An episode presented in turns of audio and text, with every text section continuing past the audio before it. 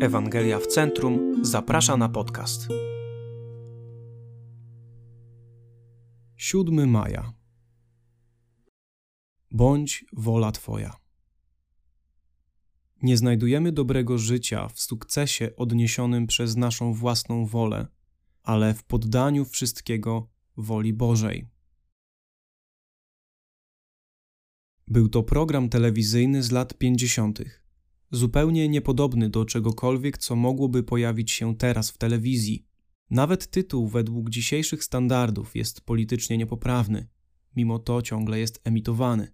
Father knows best. Tata wie lepiej. To tytuł, który mówił wszystko o tym kultowym serialu. Gdyby podobny program miał powstać dzisiaj, pewnie zatytułowano by go Wszyscy oprócz taty wiedzą lepiej. Może Tata wie lepiej to całkiem dobry tytuł także dla tego fragmentu modlitwy pańskiej. Oto, o czym wszyscy musimy zawsze pamiętać. Ten, który panuje nad całym tym światem, jest ostateczną definicją wszystkiego, co dobre, mądre, właściwe, kochające, wierne i prawdziwe. Nadzieja nie polega na tym, by dostać wszystko, czego potrzebujesz, aby postawić na swoim. Nadzieja nie polega na tym, że naciągamy wszystkie nasze zasoby, czas, energię i obdarowanie, by zrealizować nasze osobiste marzenia. Nadzieja nie polega na tym, by wypracować sobie taką kontrolę nad ludźmi i sytuacjami w naszym życiu, jaką tylko nam się uda. Jednym słowem, nadzieja to nierealizacja naszej woli. Nadzieję można znaleźć tylko w jednym miejscu w mądrym i wiernym panowaniu naszego Ojca w niebie. Z jego perspektywą, sięgającą dalej niż sam początek i koniec, on naprawdę wie, co jest najlepsze dla nas i dla wszystkiego, co stworzył.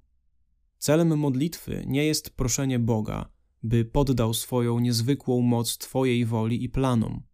Modlitwa to akt osobistego poddania się woli Boga, która zawsze jest słuszna.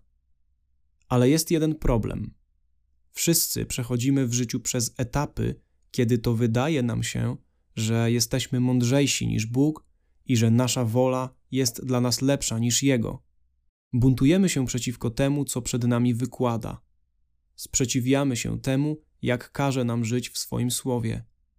Zastanawiamy się, dlaczego nasze życie wydaje się trudniejsze niż innych rozmyślamy nad tym, dlaczego złamanie jednego mniej istotnego Bożego prawa, żeby wszystko naprawić, miałoby być takim wielkim złem.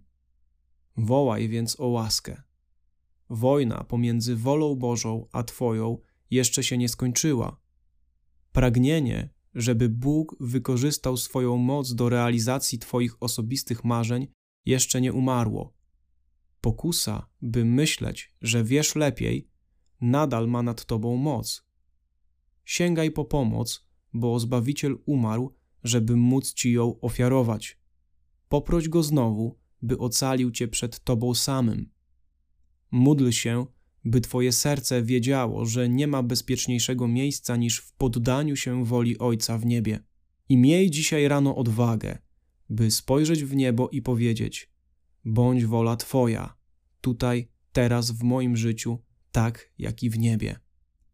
I podziękuj Bogu, że tak bardzo się o Ciebie troszczy, że wykorzystuje swoją wolę dla Twojego dobra i zbawienia. Kiedy jesteś gotowy poddać się Jego woli, to wiesz, że łaska zamieszkała w Twoim sercu. Dalsze rozważania i zachęta Księga Izajasza 26.